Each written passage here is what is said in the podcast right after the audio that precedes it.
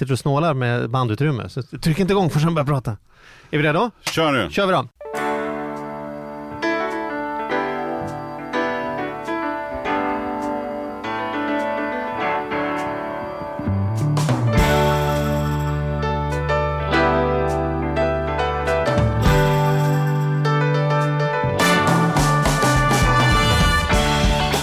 Hej och välkommen till Ekonomi på riktigt med Charlie och Mattias. Du ser sammanbiten ut idag. Charlie. Tycker du? Ja, jag vet Jaha. inte vad det. Du har sett lite Samman- sammanbiten ut från att jag kom. Det är inget som tynger dig på något sätt. Nej.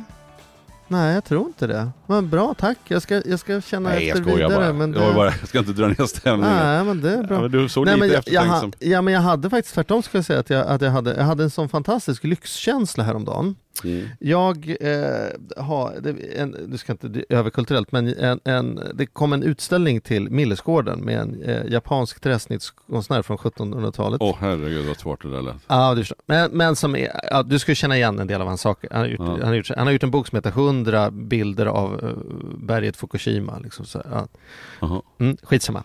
Men, men eh, och det var, det var roligt, så då tog jag min fru på långlunch där Ja. eh, häromdagen. Så att eh, hämtade henne på kontoret och vi åkte ut och det, solen sken och vi, vi gick på utställningen, jätteintressant och gick runt i parken där hon hade aldrig varit på Millesgården tidigare. Eh, men det roliga är att man sitter där i matsalen ehm, så eh, säger jag till Andrea att kolla nu, hon i kanariegul tröja, det kommer in en kvinna till här i arbetsför ålder.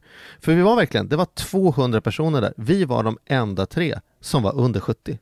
Jaha. Det är, och vad Men lyxigt det är väl det inte är. den typen av aktiviteter du brukar ägna dig åt? Nej men det, så är det inte. Det, tvärt. Medeltidsveckor Ja och- precis. Ja, Jag menar så här, det är ganska lyxigt att leva ett liv där man kan ta en långlunch mitt i veckan och bara konstatera att det är ingen, det är bara pensionärer som Mm. kan vara här en tisdag mitt på dagen. Liksom. Ja, men jag, precis, och jag förstår Du dig. och jag ska inte var sitta här. Jag vet, nej, och det där det stärker ju många- våra aktier när vi ska vara med På spåret. För vi ska ju vara med På spåret som tävlande. Jaha. Och då blir jag glad när jag hör Ska vi outa du- det här? För Ja, det här vet ju inte ens bra. SVT om. Nej, jag vet, det är ingen som vet. Det är bara vi som vet. Ja. Men, men eh, då är det bra, jag blir glad när jag hör att du går på sådana här saker. Ja. Jag var för övrigt på en lunchopera eh, för några veckor sedan. Det tyckte jag också var väldigt. På Kungliga Operan var en granne som, är, som, som Just det. sjunger. Som Det har jag hört när jag varit hemma hos dig. Ja precis, du har hört när hon henne. står och övar Jajamän. bredvid. Och så vart vi Väldigt bjuden på en genrep, så jag satt en lunch i de här otroligt vackra lokalerna som Mm. Kungliga Operan. Mm. Så att jag var tvungen att kontra med något finkulturellt. Ja, Mm. ja. Men du, ska vi börja prata ekonomi istället? Ja, det kan vi göra. Ja, Om du jag. vill. Ja, jag Om men du, du tycker att det är för vi har en samarbete. gäst som sitter här och måste få komma in här Hon, hon sitter, och sitter så här. Åh, nu, kom igen, nu kör vi, nu, nu, kör- nu kör vi. Och det, det är väldigt roligt med den här gästen därför att den här gästen är ju våra lyssnare som har rekommenderat oss Ja, att så här, ni måste ju bara ringa den här fantastiska damen som gör, ja men som skriver så mycket klokt. Eh, och vi var ju inte svårflörtade på det. Nej, det var nej, inte nej. som att det var. Inte alls. Nej. Det, det var vi, hakar vi på direkt. Men du, vi brukar ha en sån liten sån här jingle så här. Da, da, da.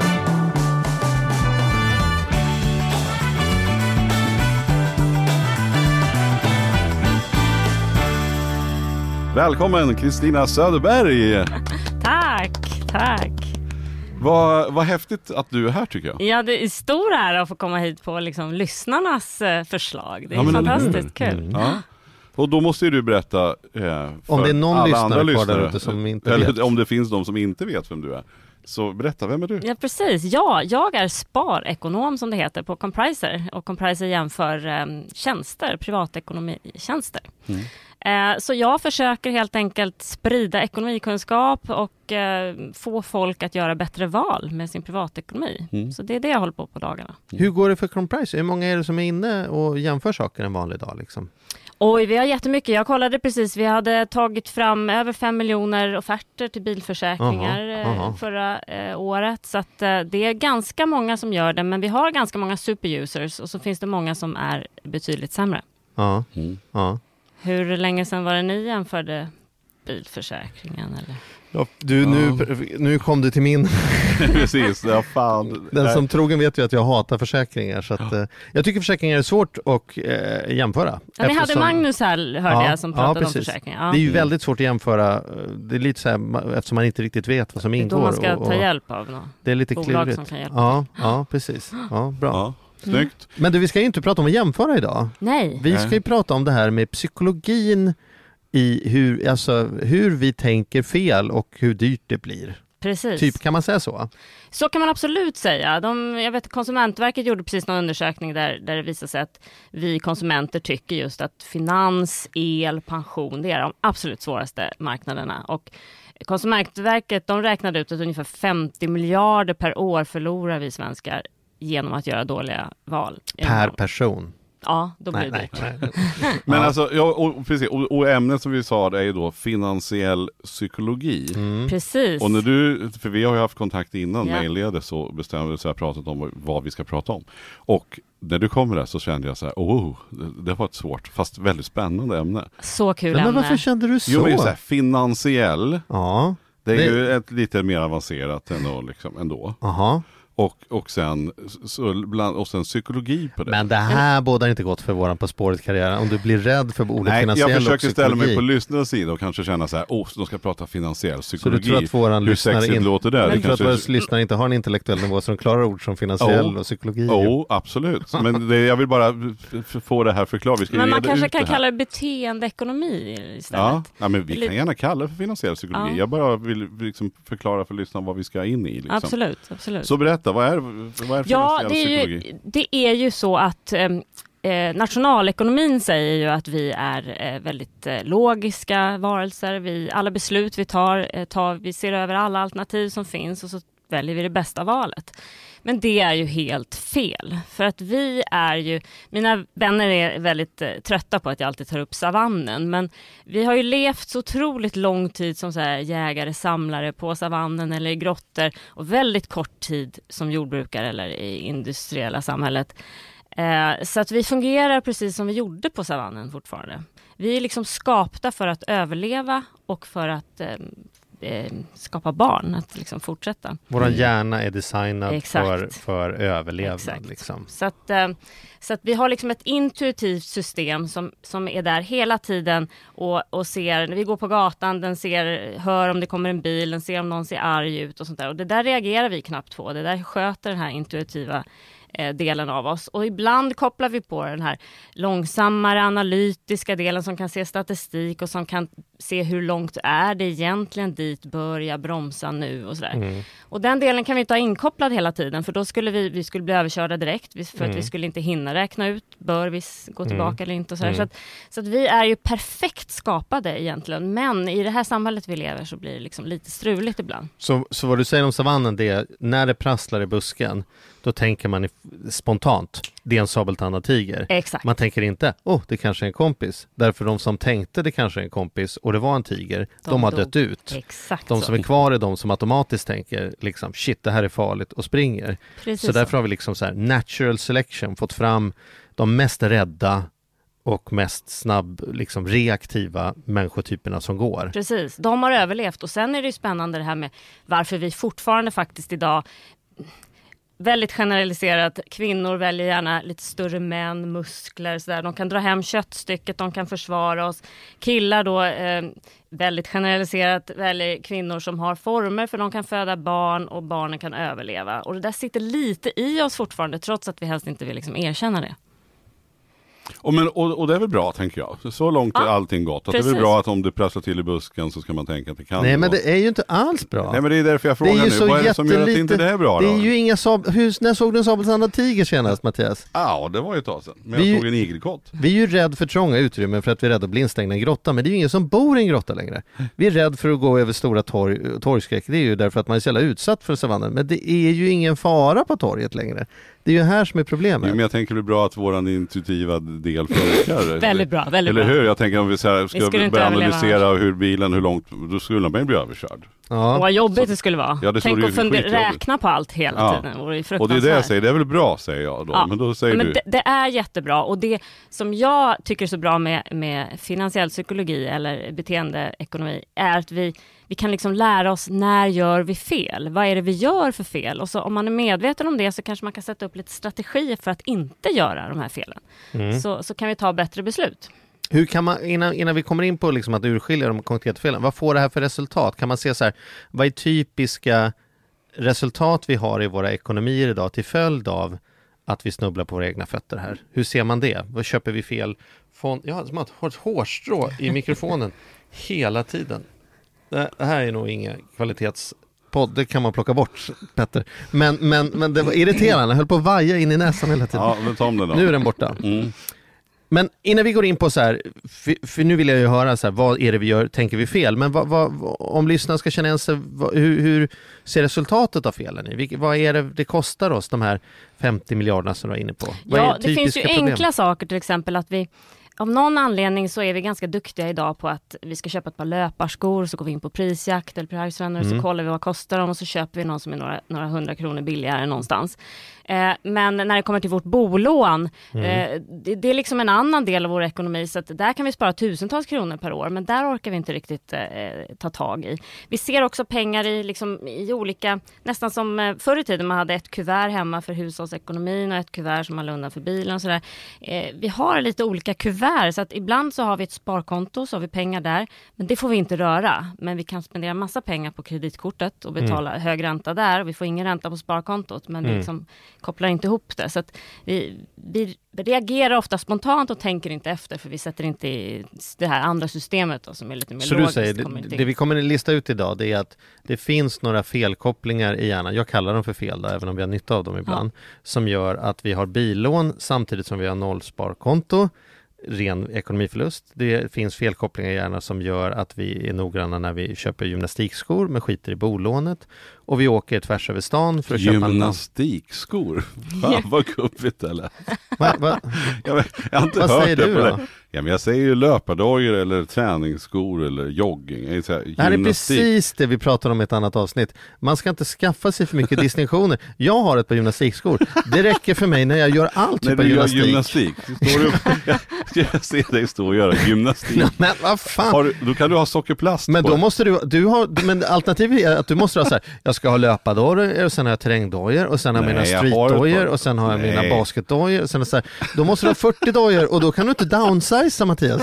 Du måste klumpa ihop till en grej. Ja, jag bara ser det i dina gymnastikskor. Ja, förlåt, vi När jag, åker, fortsätter. när jag åker rullbräda. Ja, förlåt. Ja, kör. Nej, jag lägger ner nu. Det, Nej, kör du. nej, nej, nej. Jo, Kör du. Det, Gymnastikskorna då, så, så där är vi noga och väljer och kan tjäna hundralappar. Det men, ja, och vi åker tvärs över hela stan för att tjäna 49 kronor på en lampa som är på halva priset. Ja, och vi tror det som media pratar om, vi tror att det är rätt. Ja. För det vi hör ofta och ser ofta eh, och det som liksom vi känner igen, det tror vi är sanningen. Just det, så det här är, det här är dyrt helt enkelt. Och, vi, och det faktum att vi tror att vi tänker logiskt Precis. är det vi ska ta ur människor idag. För att om man kan börja se att man faktiskt inte tänker logiskt, då kan man ju börja prova det. Precis. Det Ja. är, till exempel ska man, folk som bantar, de har ju inte glass i kylskåpet, eller det är dumt i kylskåpet, men i frysen. För att de vet att de kan inte stå emot det. Så de har liksom en strategi, jag köper inte hem grejerna. Mhm. Och det kan vi ha i ekonomi också. En strategi, jag får inte titta på börskurserna varje dag. För då kommer jag agera ofta och det. Just är det. dumt. Just Så det. jag tittar bara en gång i veckan, en gång om månaden, en gång om året. Mm. Eh, Så man kan sätta upp liksom lite sådana strategier för sig själv. Och så här, jag kommer troligtvis gå i pension någon gång. Kanske är läge att redan nu titta på det. Att köpa ett par gymnastikskor inför det. Så man, Så man är Ja, vältränad man är det vältränad. det, när man går in. Ja, men förstås spännande. Mm. Så, så eh, hur, hur eh, ru- rullar vi ut det här då? Vad, vad kan, man, kan du ge oss några så här, här, här går det snett. Ja, Vad kan, är det som man, får man det brukar gå kalla det snedvridningar och det är typ när det här intuitiva systemet reagerar och Mm. det andra systemet orkar liksom inte kolla. Mm. Så då kan man liksom koppla in det. Och jag tycker den första är väldigt spännande nu också med valet. Det är något som heter tillgänglighetsheuristik. Jättefint. Det behöver vi nästan inte förklara va? Nej. vi går vidare till nästa. Det, På tal kan, om enkla saker. Men, men ni då som är... Vi drar på för, 10 poäng. För mig som inte riktigt... Precis, vi Charlie kan drar säga på så här, 10. tillgänglighetsfel och det är just det, det media skriver om, det tror vi på. Ja. Och vi re- vi reagerar spontant eh, mycket kraftigare för faror från Mm. savannen nu igen, Mm. än vad vi gör på goda nyheter. Och det här vet media, så de skriver mer om faror. Då Mm. läser vi mer, vi delar mer, det är mer spännande. Det är därför man tror till exempel att det sker fler mord än självmord. Exakt, att och det är tio gånger fler självmord än mord. Ja. Så det är typiskt en sån grej. Ja. Så våran hjärna kan inte förstå göra några rimliga bedömningar av vad det är chans och möjlighet sådana saker.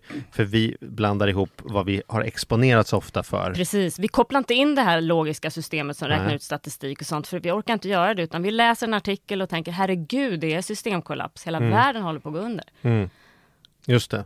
det här, är det här släkt jag, jag såg någon gång någonting som handlade om att vi är rädd, när vi är rädda, att vi är rädda för fel saker.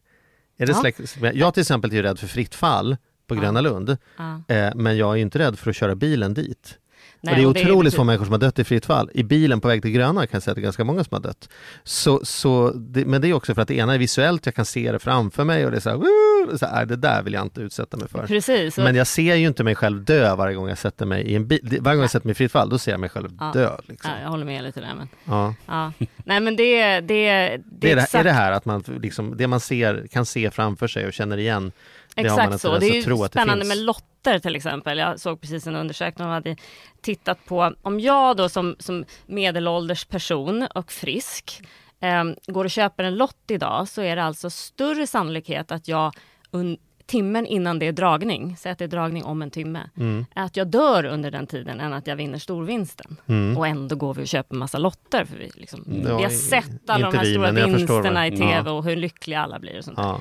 Så att vi luras av det vi ser, helt klart. Och nu är valet, tänker jag också, så här, det blir ju felprioriteringar ofta för att helt plötsligt så blir ett ämne så otroligt viktigt och alla pratar om det och det känns som att det är det enda viktiga medan det finns jättemycket ämnen som är precis lika viktiga eller mer viktigare. Mm. Så jag tycker det är väldigt... Och har vi Facebook-algoritmerna.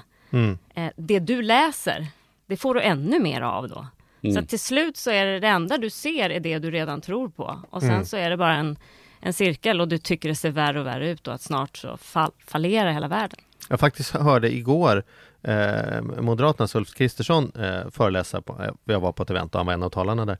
Och då sa, då sa han så här att det finns några riktigt viktiga frågor för vårt samhälle eh, och sen så har vi de viktigaste valfrågorna och Mm. de är inte samma saker. Nej. Men han sa man måste, partier har provat förut att ignorera valfrågorna, det vill säga det som väljarna just nu tycker är absolut viktigast. Och det funkar aldrig, utan man måste säga så här, ja de här frågorna tar vi på allvar och så här tänker vi lösa dem.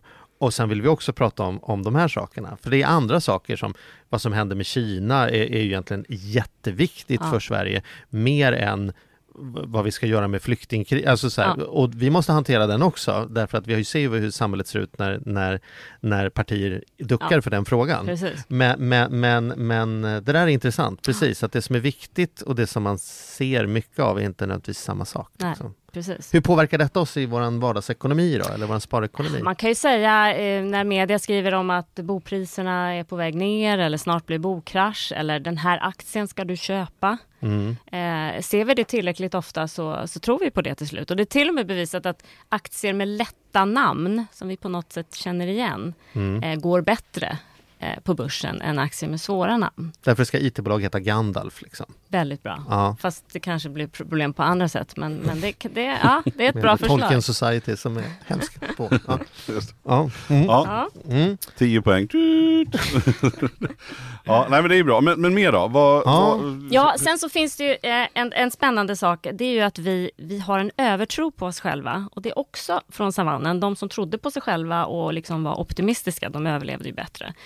Eh, så att jag ska faktiskt på ett event ikväll och lyssna på en kille som ska prata just om sådana här saker. Och eh, han just ställde lite frågor innan nu. Bland annat en fråga var eh, Anser du att du är bättre än dina kollegor på jobbet? Mm. Att du gör ett bättre jobb? Och det fanns inte, eh, jag vet inte eller något, det fanns bara ja eller nej. Mm. Eh, och jag skriver självklart ja då. Mhm. Och det kommer 99 om inte 100 procent av oss ha gjort. Mhm. För vi har alltid en liten övertro om oss själva. 90 procent säger att de är bättre bilförare än genomsnittet. Och detsamma gäller för hur bra vi är på ha sex eller på jobbet eller vad det än är. Vi är 90 procent säger att de är bättre på sex än en genomsnittet. genomsnittlig Ja. bilförare. Det, Ja.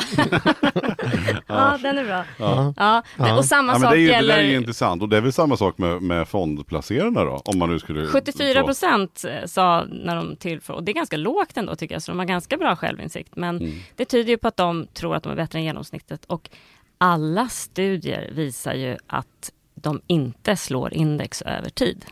Mm. Det vill säga, eh, de är inte bättre än om vi hade en apa som kastade pil.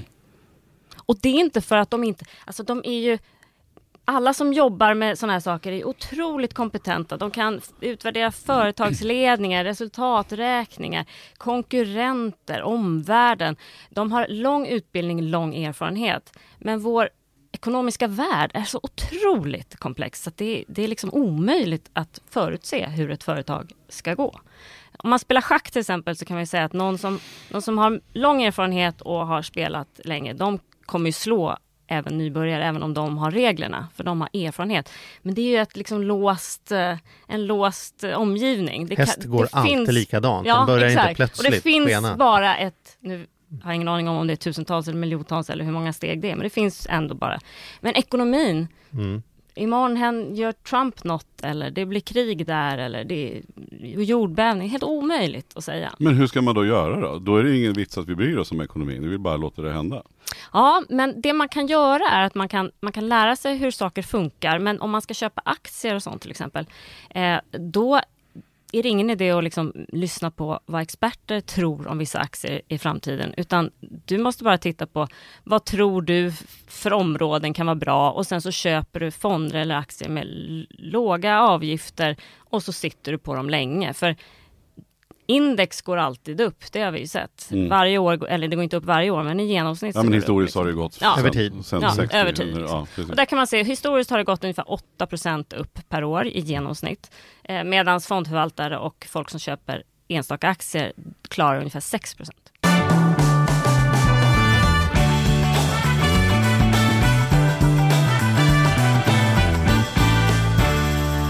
Förr i tiden fanns det folk som hade så här, ja, ja, jag kan trolla, jag har så här seanser med andar och du ger mig dina pengar och sådär. De här människorna sa man så här, du får inte hålla på och lura av pengar av folk på det här sättet och jobba med det. Och så liksom, har vi liksom rensat ut det. Det finns väl en del, ja men, ja. Min metafor är här, om vi ändå vet att experter inte funkar, är det inte läge att vi tar bort Liksom, så så här, vi, det, det finns ingenting som heter aktieexpert. Det är ingen hittills som har bevisat över tid att de är aktieexpert. Kan vi ta bort de kolumnerna ur tidningen nu? Eh, lika lite som de kallar sig för väderexpert. Det är så att säga, jag är meteorolog. Det betyder att jag kan berätta hur det gick igår och så kan jag säga någon sannolikhet imorgon. Men, Ja. men jag är liksom inte någon Ja, ja, men är du med? Det finns ju någon sån här, har vi inte ett kollektivt ansvar, vi som kan lite, att säga att kejsaren är naken? Jo. För det är ju ändå de här människorna som Expressen sen citerar och folk läser bara rubriken och rätt vad det är så sitter alla och köpte Telia-aktier när den Ja. skulle släppas mot marknaden och bli en folkaktie. Ja. Och det kunde man ju räkna ut med arslet att man inte skulle bli rik på den liksom. Men ändå är det ju miljarder som går förlorade för svenska småsparare om och om igen för att det är den här Och jag tror att det, det är en för stor, eh, och för stor marknad med för mycket pengar i. Eh, det finns för många aktörer som lever eh, på det här. Så det, jag tänker varje gång det diskuteras indexfonder och aktivt förvaltade fonder, där man kan se genomsnitt över tid så slår aldrig aktivt förvaltade fonder Mm. indexfonderna. Det händer, och det händer flera år ibland, men det är nästan bara tur. Mm. Och man kan se det, det är alltså så här regression mot medelvärdet som man brukar säga. Till exempel Morningstar visar ju hur många stjärnor en fond har och det är då hur bra den har gått. Eh, och troligtvis är det så att eh, har den fem stjärnor så kommer den gå bra kanske ett år till. Men sen kommer det gå sämre. Så, så att de har till och med jämfört då sett att eh, fonder med en stjärna har nästa år gått bättre än fonder med fem stjärnor. Så att vissa förvaltare visar ju alltid de fonder de har haft som har gått bra några år. När de har gått lite sämre läggs de ner. Det skapas en ny för att man inte ska kunna se historik. Så att det, det är ett jädra fuffel alltså. Så att jag säger alltid till alla indexfonder, möjligtvis någon aktivt förvaltad fond som du tror på med låga avgifter, men kolla hela tiden hur den går. Liksom. Och gemene man behöver inte ha dåligt samvete för att man inte kan aktier och köper enstaka aktier eller köper fonder. Så, index. Det är det enda för oss. Om man inte tycker det är kul och ser det liksom som en sport eller sådär så kan man ju hålla För det är på. ju andra andan, den som då inte tänker att man har någon övertro på sin förmåga tror ju att det krävs någon en enorm förmåga och så kommer man inte ens igång för att man tänker sig att det där är inte för mig. Nej, precis. Aktien, nej men du vet jag, jag, det vill jag inte bli något duktig på eller engagerad i. Jag vill inte sitta och läsa Dagens Industri på morgonen och så, och så börjar man inte ens ett sparande för Nej. att man tänker att man behöver vara en sån där. Och sen är det många som börjar, jag har tyvärr några som, som jag känner som har köpt, börjar med bitcoins. Liksom. Mm. oh, gud vad det går upp, nu köper jag bitcoins. Och så rasar det och så kommer de till mig och säger, vad det har rasat? Och Ja. så här, ja, det kunde vi väl veta. Börja med något, men man vill ju gärna vinna mycket snabbt också. Ja. Det, det är det som gör lite att vi inte sparar till vår pension och så. Vi vill Mm. inte avvara saker idag för något som vi ska ha sen. Det är väldigt svårt. Vi vill, vi vill ha det bäst nu. Faktiskt om en kille i förrgår som kom till mig och sa att han hade hittat en affär som gav 3 avkastning per dag. Ja, eh, det- Ränta på ränta. Och då lite vänligt så berättade jag för honom att om han investerade, jag räknade ut någonting så här vad han hade, om det var 50 000 eller något, så sa jag så här, gud vad kul för då har du 1,3 miljarder om tre år här. Och, och det kan, om alla kan göra det, vilket samhälle vi skulle få. Då var det lite tyst i andra änden, att det Ja. går ju inte. Det går ju Men inte. det låter det för bra för att vara, ni vet. Ja. Mm. Mm. Sluta jaga vinsterna helt enkelt. Ja, Ja. Mm. Men, jag, precis, men vi kan återkomma till det, för jag tänker att Ja. du sen ska berätta för hur gemene man ska, och vi ska Ja. lägga upp ett Mm. sparande. Fler, men flera feltänkt då, men vi- jättebra. Precis, vi flera feltänk ja. Tack herr Ehm, ordförande. Vi, vi reagerar ju mycket starkare på förluster än på vinster. Och det har nog att göra lite med eh, överlevnad på savannen också. De säger att, att eh, lejonhanar som ska inta eh, någon annans hem eh, misslyckas nästan alltid. För att den som försvarar jobbar mycket hårdare för att försvara än den som jobbar för att... Och så funkar det nu också så att för att vi ska vilja eh, ta ett bett till exempel så vill vi att vinsten ska vara dubbelt så stor som möjligheten eller risken till förlust. Mm. Där gör vi också fel ibland då för att om du mm, får chansen att vinna två miljoner men du kan, du, ja, du kan förlora en då så, så kanske man väljer eh, att inte spela och över tid med lite mindre summor så, så kan man liksom förlora mycket. Så att vi, vi är rädda för att förlora pengar, vilket också gör att har vi köpt en aktie som har gått ner, jävla svårt att sälja den alltså. Mhm. För då realiserar man någon typ av förlust. Mm. Så att då är det många som hellre köper mer aktier av samma och så går det ner ännu mer och så sitter man på det för länge. Så att um, det är just förlust, rädslan för förlust är stor. Så den kan man också sätta upp någon typ av regel. Det där är intressant för att det är också koppling mot den andra vad som är, vad som är känt och man känner igen. För det har jag, det har jag noterat att folk gillar, är, är rädd för att förlora sina pengar. Men egentligen är de mer rädda för att förlora pengar på sätt så här andra inte förlorar pengar än att förlora pengar. Jag brukar säga när man köper en ny Volvo eh, då, då, då, då frågar folk så här, "Ah, vad var det för färg? Ja. Säger du så här, jag, köpte, jag lånade på huset och köpte aktier i Volvo för 400 000. Kommer folk säga, det låter ju livsfarligt. Tänk om, du, liksom, tänk om Volvo går ner. Liksom. Det kan ju Ja. börsras, du är av med 100 000 på ett år.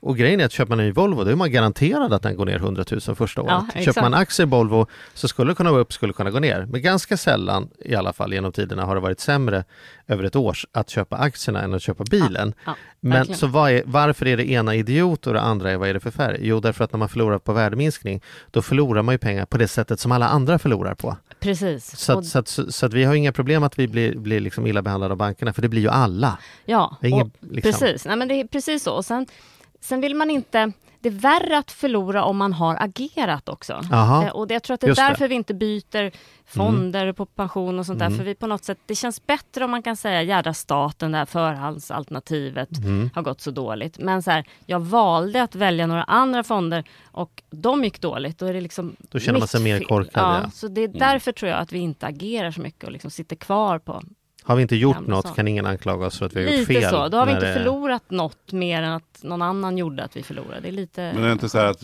också att man vill sälja in på sig själv att det var ett bra val? Därför att, ja men så här, väntar ni, väntar ni. Det här kan bli också att man just säger att man inte säljer, man vill inte sälja för då, Nej. har man ju, då, då är det faktum en förlust. Liksom. Precis. Om, Och- om man köper ett par dyra skor till exempel som är jätteobekväma gympa, då, gympaskor, vad var det? Gymna- Gymnastikskor. Och så kanske de är jätteosköna men de var svindyra. Ja. Där kan man se en relation hur länge man går omkring med dem innan man erkänner att det var ett fel beslut. Då. Är de dyra så går man längre och får mer skavsår än om de var billiga. Då slänger man dem tidigare. Men du, där med rädslan för förlorat är starkare. Ett exempel på det som jag har sett som jag tycker ingen pratar om, kanske därför att de tjänar så fruktansvärt mycket pengar och grejer, det är ju Postkodlotteriet. Det, det måste ju vara det smartaste någon har kommit på någonsin. Deras strategi är ju så här, det, det, kommer, det, det kommer, det finns en lott och någon kommer vinna. Ja. Och om du inte har köpt den, då får alla dina grannar, men du får ingenting. Och jag tänker att det, det där är briljant att säga så här, jag kan leva med att jag inte vinner två miljoner, men om alla mina grannar får två miljoner var och jag får ingenting, det skulle vara otroligt obehagligt. Ja, och det är ju också det, deras kampanj uttryckligen, sitt inte lottlös, att när det händer, tänk om du sitter utan, det, det är liksom rädsla för att förlora vinst snarare än sugen på att vinna. Verkligen. verkligen. Det, jag tycker det här är briljant. Det här är, måste varit någon ja. psykologer inkopplad på, tror jag.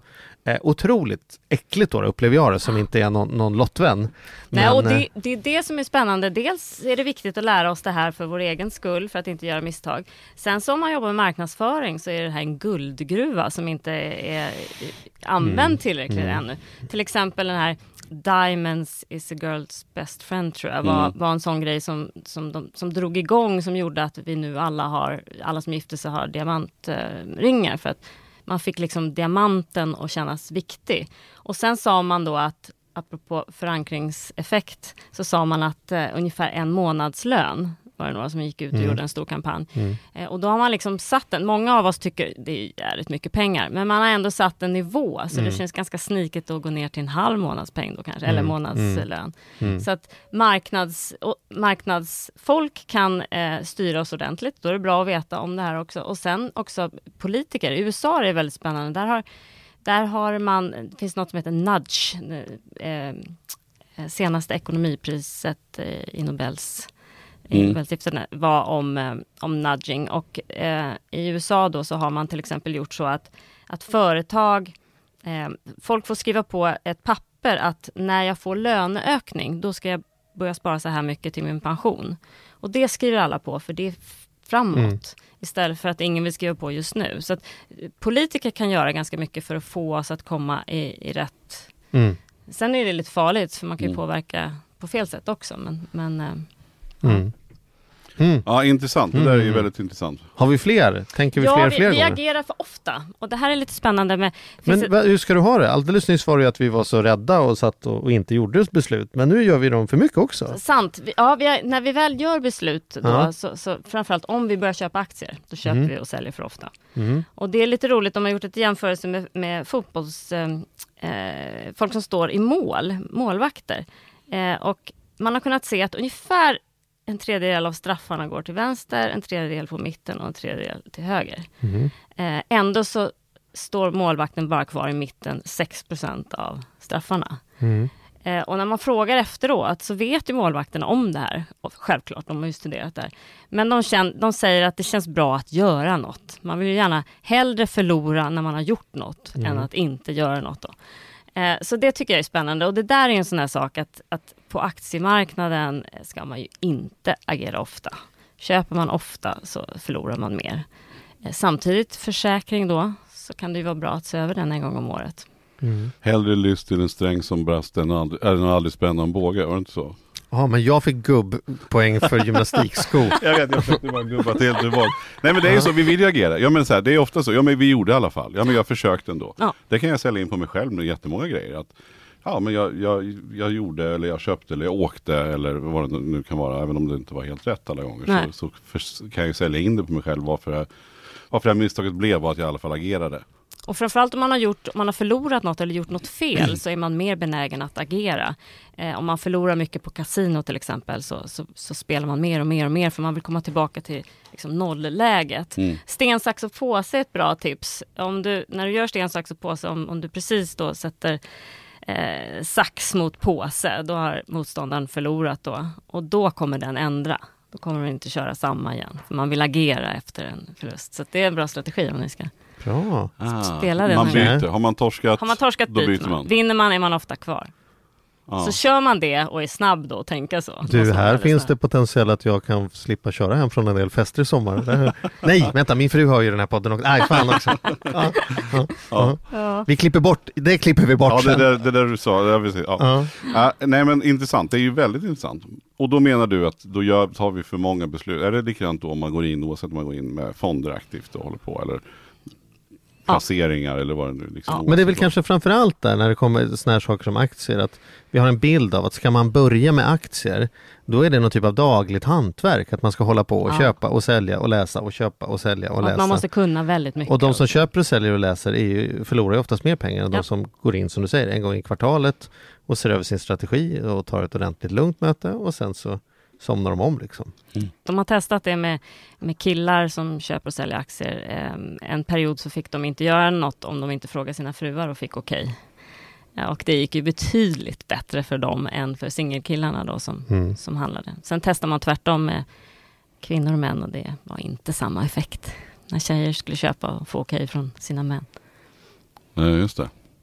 Så att killar har, en, har en, killar har faktiskt lite större övertro på sig själva eh, och eh, agerar för ofta också. Men det sägs att kvinnor är be egentligen bättre på att hantera och, pl och placera och ja. sköta pengar. Är det av det skälet? Att det man är, är mer försiktig? Ja, precis. Man är mer försiktig och mer långsiktig och eh, liksom lockas inte av de här snabba affärerna lika mycket. Men vi är lite sämre för vi är lite för försiktiga, gener generaliserar nu, så att vi har lite för mycket pengar på sparkontot och mm. inte på börsen. Mm. Så att därför så, så är det inte så stor skillnad ändå. Men, så om vi bara kunde våga lite mer och ni eh, var lite försiktigare, mm. skulle det bli bra. Nu vart det vi och ni plötsligt här. ni är ju ändå killar. Ja, vi är ju faktiskt ja. det. Det, får vi, mm. det blir svårt att prata bort.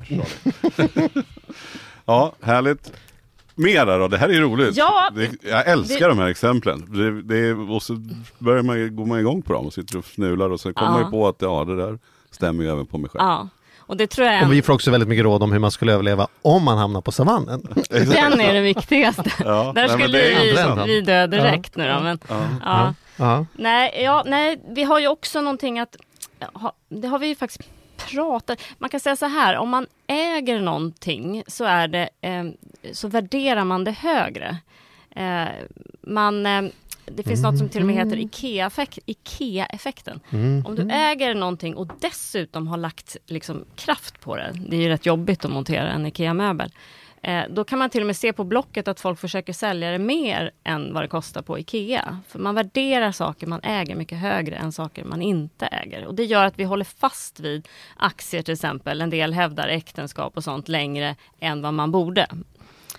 Det här måste jag tänka. Jag värderar saker jag har högre än saker jag inte har. Ja men är inte det också mm. för att man vill sälja in de beslut man har fattat? Precis, så är det. Man går med skorna fast man får skoskav ja, längre. Och har man, om man då också dessutom bjuder till i att man har byggt saken eller betalat mycket då, vill, då sätter man värdet högre för sig själv. Precis, det finns ett vinexempel också, att vin, sådana som köper viner och sparar länge Eh, de skulle aldrig kunna tänka sig att sälja ett vin som är värt 100 dollar som de har. Eh, eh, och, och, de skulle heller aldrig kunna tänka sig att köpa det, men de kan tänka sig att dricka det. Så det är lite sådär, eh, vi värderar det mer än, så alternativkostnaden tänker vi sällan på. Vad kan man göra med de här 100 dollarna istället för att dricka det här vinet? Utan man äger det där vinet och har haft det länge och det är liksom man, man det är lite klingig, lite klängig. Ja, lite, mm. lite klängig. Ja. Mm. Så, mm. att, eh, så att den är också spännande. Mm. Ja, sen börjar jag börjar få, få slut på... Det finns ja, ju hur mycket snedvrid, snedvridningar. Ja. Hur motverkar vi detta nu då? Ja. Vad är det för piller man tar för att slippa tänka fel hela tiden? Precis. Jag tror att pill, piller nummer ett är att vi förstår, vi är inte rationella. Vi, vårt det här systemet som är intuitivt, som tar, de, det är 220 000 gånger starkare än det andra systemet säger mm. Så det är liksom det som styr. Alltså 220 000 gånger starkare. starkare. Det är så otroligt mycket starkare för att det här logiska systemet tar så mycket energi så att det kan vi bara koppla in ibland. Mm. Vi, vi, måste gå på autopilot annars blir vi för trötta. Vi kommer inte så, ta några så vad du säger, om no saker känns fel då ska man ta ett djupt andetag och kolla efter. För att Snarare det när det känns inte, rätt. Eller känns rätt. Ja. ja. När det är viktiga beslut. Mm. När du mm. går på gatan gå och det känns som att den här bilen kommer inte köra på mig. Då behöver mm. du inte ifrågasätta det. Men, men, när du, när du det var någon som sa att det, det farligaste är inte när vi har fel utan det är när vi är övertygade om att vi har rätt men vi har fel. Nu blir det väldigt krångligt. Ja. Men det är alltså, ofta ofta är vi 100% säkra på att, att det vi vet är rätt. Mm. Och det, det, är det farligaste, för vi har ofta fel. Så jag mm. tror ifrågasätt dina egna liksom, uppfattningar ofta. Eh, tro inte på allt som media skriver om och framförallt läs inte bara det som du tror på. Mm. För att när vi läser media eh, så letar man efter bekräftelse på det man tycker och det man tror på. Man letar inte efter sånt som ska motsäga. Mm. Och det tycker jag, jag försöker ibland ha kvar folk i mitt sociala medieflöde som tycker väldigt eh, inte som jag. För att mm. jag tycker det är liksom man behöver ifrågasätta sina uppfattningar. Jag har, sån, jag har kompisar som jag egentligen bara använder till det. Människor som jag respekterar men som verkligen har helt andra åsikter. Ja. Och då brukar jag, när det tjorvar ihop sig i världen eller det händer saker, då brukar jag säga nu tar vi en öl så får du förklara. Vad, vad ja. ser du? För, och han, ser, han ser alltid helt andra saker. Ja, nej, men det är väldigt, eh, väldigt bra. Ja. Och sen, sen en grej till då, lyssna inte på experters prognoser. Eller lyssna gärna, men var medveten om att de kan inte ge bättre långsiktiga prognoser än vad du kan göra. Mm. Eh, så att var alltid förberedd på att allt kan hända. Det är egentligen det enda tipset jag ger till folk som undrar vad de ska göra med sin Ska jag sälja på börsen eller någonting? Och det är så här, se till att du kan ha kvar ditt sparande som det är idag, även om det rasar imorgon, även om bostadspriserna går ner, även om räntan går upp. Så liksom mm. var alltid förberedd. För att eh, plötsligt händer det och då... Men hur, men hur ska man spara då? Ja, men vi tänker gemene man är vanlig. Alltså, man, man är inte så intresserad av, av börsen eller aktier. Utan man, man har en schysst eller okej okay ekonomi. Eh, och sen så vill man ju spara. Ja. Alltså, det tycker vi alla att man ska göra. Ja. Ska, man, ska man amortera istället för att ha på fond? Ska man amortera så mycket man orkar eller ska man sätta i fonder? Hur gör du? Alltså hur, om du har en påse pengar över Eh, hur ska du fördela den? Ja, framförallt försöker jag se till att den här påse pengar över blir så stor som möjligt. Inte att jag hoppar över mm, trevliga lunchen ute eller latte eller någonting, men att jag försöker liksom se till att alla så här, försäkringar och, och, allt sånt är eh, liksom till bäst pris. Då kan man spara mycket pengar där.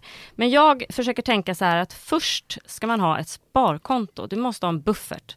Kylskåpet går sönder, du blir sjukskriven, någonting händer. Du måste ha och det, hur mycket du ska ha där är väldigt olika om du är singel eller om du har ett stort hushåll eller om du Men ungefär, om du ska säga en, någon, någon I relation till årslön eller månadskostnad eller? Ah, det är otroligt Du kommer inte undan med att bara säga Nej, att det är jag förstår. Olika. Jag förstår. Um, har du uh, ett hus och är den som drar in mest pengar uh, och sådär så, och du har bil och sånt så du bör ha 2, 3, 400 000? Så vad, vad, pratar vi då? Att man ska ha en årslön då? Eller vad är det på? En, en halvårslön eller?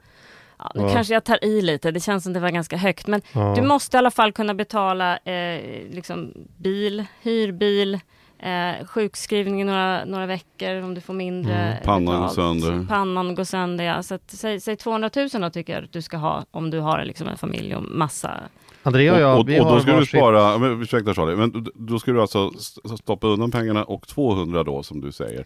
Oavsett i relation då, det kanske är 50 för någon beroende ja, på vad för ekonomi och det kan vara 300. Men, men de de ska bara finnas på ett konto. De... Ja, och de måste finnas på ett konto som du kan ta ut. Och då mm. ska det inte vara storbanken, du får ingen ränta där, utan skaffa en nischbank som du får lite ränta i alla fall. För mm. det kommer bli lite när du har så mycket pengar där. Mm. Eh, för att de ska du inte, det ska inte sättas på börsen, för om börsen precis har gått ner jättemycket så behöver du dem, då blir det jättedåligt. De ska inte placeras överhuvudtaget Nej. egentligen, utan du ska bara ha dem, du ska ha ett Kort räntefond kan du ha om ja. du tycker det är bra. Eller? Ja, Ursäkta, vad skulle du säga? Nej, men jag har tillräckligt bra flöde i min ekonomi för att faktiskt ha gjort, gått ifrån det där nu. Ja. Och istället så har jag att Andrea och jag har varsitt kreditkort eh, som vi inte betalar någonting för ja. om det inte används med 100 000 var. Ja. Så vi har 200 000 i kreditbuffert. Det är inget vi går och handlar semester utan det är så här om frysen rasar, om bilen krockas, om någon blir sjuk och det gör att vi kan liksom ha egentligen alla våra pengar i arbete.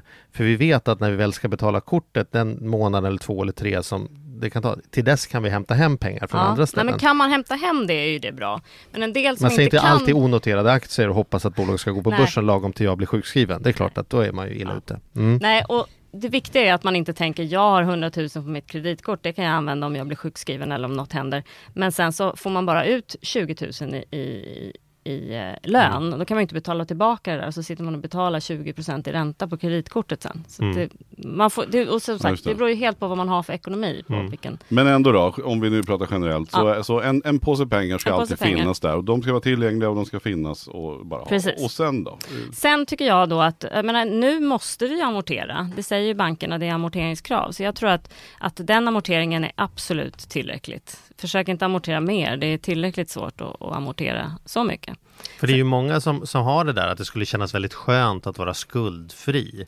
Det hör man ju ofta som så en vision för människor i sin ja. ekonomi. Tänk om jag vore skuldfri ja. och det är så den som satt i skuld är icke fri och, och sådana saker. Men det finns ju ingen ekonomisk grund med vårt ränteläge för att säga att man skulle maximera eller minimera sina Nej, men skulder. Säg så här då, fast jag, kan, fast, fast jag kan ändå tycka så här att, att amortera, jag tycker att man kan amortera mer om man kan det. För att när räntorna går upp, för det kommer de att göra, eh, så kommer det bli betydligt mycket dyrare att bo då. För Absolut. ofta är det ju, amorteringen är ofta kopplad till bolån. Ja. Och har du då amorterat av och mm, ganska mycket så får du ju en betydligt mycket lägre månadskostnad när räntan går upp. Absolut, men man måste ändå ställa det mot att eh, en ränta idag, du betalar 1,5 procent kanske på ditt bolån, medan i genomsnitt får du 8 procent på börsen. Så att egentligen i faktiska pengar så mm. kanske du förlorar på att amortera jättemycket mer än vad du behöver. Eh, men alla måste göra så som det känns bra. Mm. Amortering är ju superbra, jättebra typ av sparande. Men om du sparar på börsen och får avkastning så kan du använda de pengarna sen till att hjälpa till och betala när räntan Men då måste man vara ganska strikt mot sig själv så och se till att uh, ha den här planen, hålla den. Liksom. Och de flesta gör ju inte det. Nej. Så att är du inte det så absolut amortera. Men se till att du i alla fall först har ett sparkonto. För det är inte säkert att du sen får låna mer. Du amorterar av och så vill du renovera något och så vill du låna så får du inte låna. Eh, och då har du betalt av och så har du inga sparpengar. Så att alltid en sparbuffert först. Liksom. Och sen då, sen hur avbröt jag dig lite grann där, eller vi kom in på amortering. Men, om, men hur, hur, hur, skulle du säga då? Att först den här påsen ja. och sen skulle du placera hur mycket då? Eller alltså... Jag tycker att titta lite på hur, hur mycket pengar du har, hur mycket pengar du gör av med och sen sätta upp ett månadssparande som dras då direkt när du får lön, för annars är det lätt att använda det.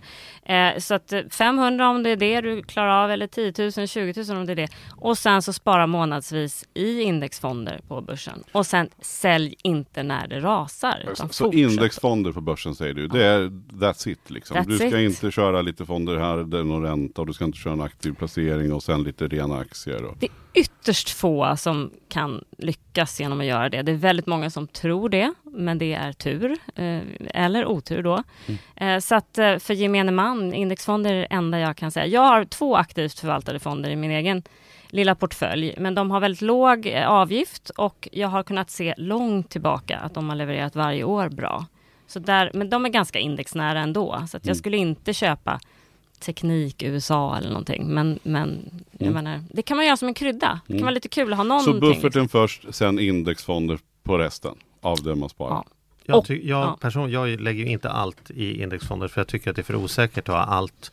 Man, man ska inte stå med, med alla ägg i samma korg eller vad det heter och sen så ska folk ha en Sverigefond och en Europafond och en Världenfond. Det är ju samma korg alltihopa. Mm. Så jag säger att jag har en del på, på börsen, jag har en del i ädelmetaller, jag har en del i fastigheter så att jag liksom, när den ena marknaden går upp kommer ja, den andra gå ner. Men, det är absolut, då, men då kanske man har tagit ett steg till i, i sin Ja men då är du också aktiv. Alltså då är du också Nej, ja, mer aktiv ja, än gemene man. En kvart i veckan. Ja.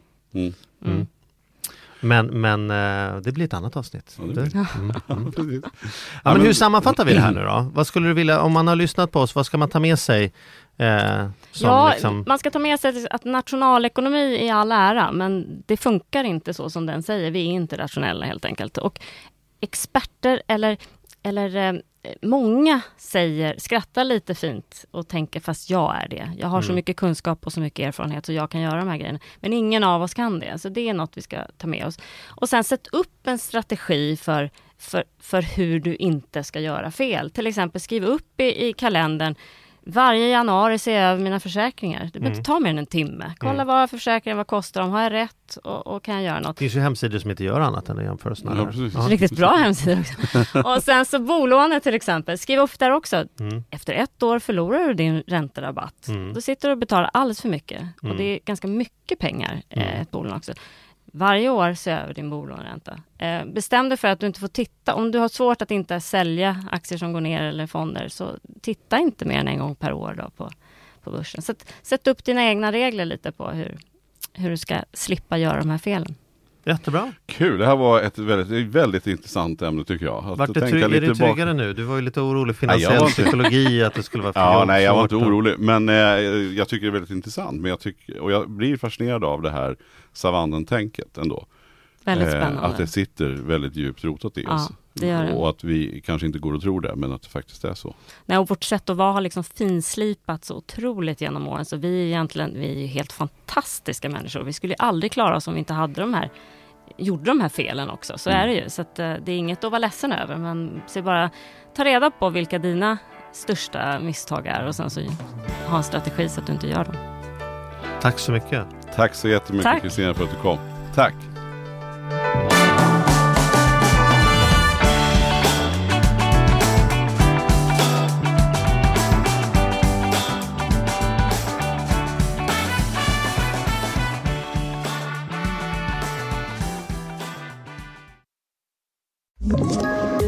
Poddtips från Podplay. I podden Något Kaiko garanterar östgötarna Brutti och jag, Davva, dig en stor dos skratt. Där följer jag pladask för köttätandet igen. Man är lite som en jävla vampyr. Man har fått lite blodsmak och då måste man ha mer. Udda spaningar, fängslande anekdoter och en och annan arg rant. Jag måste ha mitt kaffe på morgonen för annars är jag ingen trevlig människa. Då är du ingen trevlig människa, punkt. Något Kaiko, hör du på Podplay. Därför är gardinerna.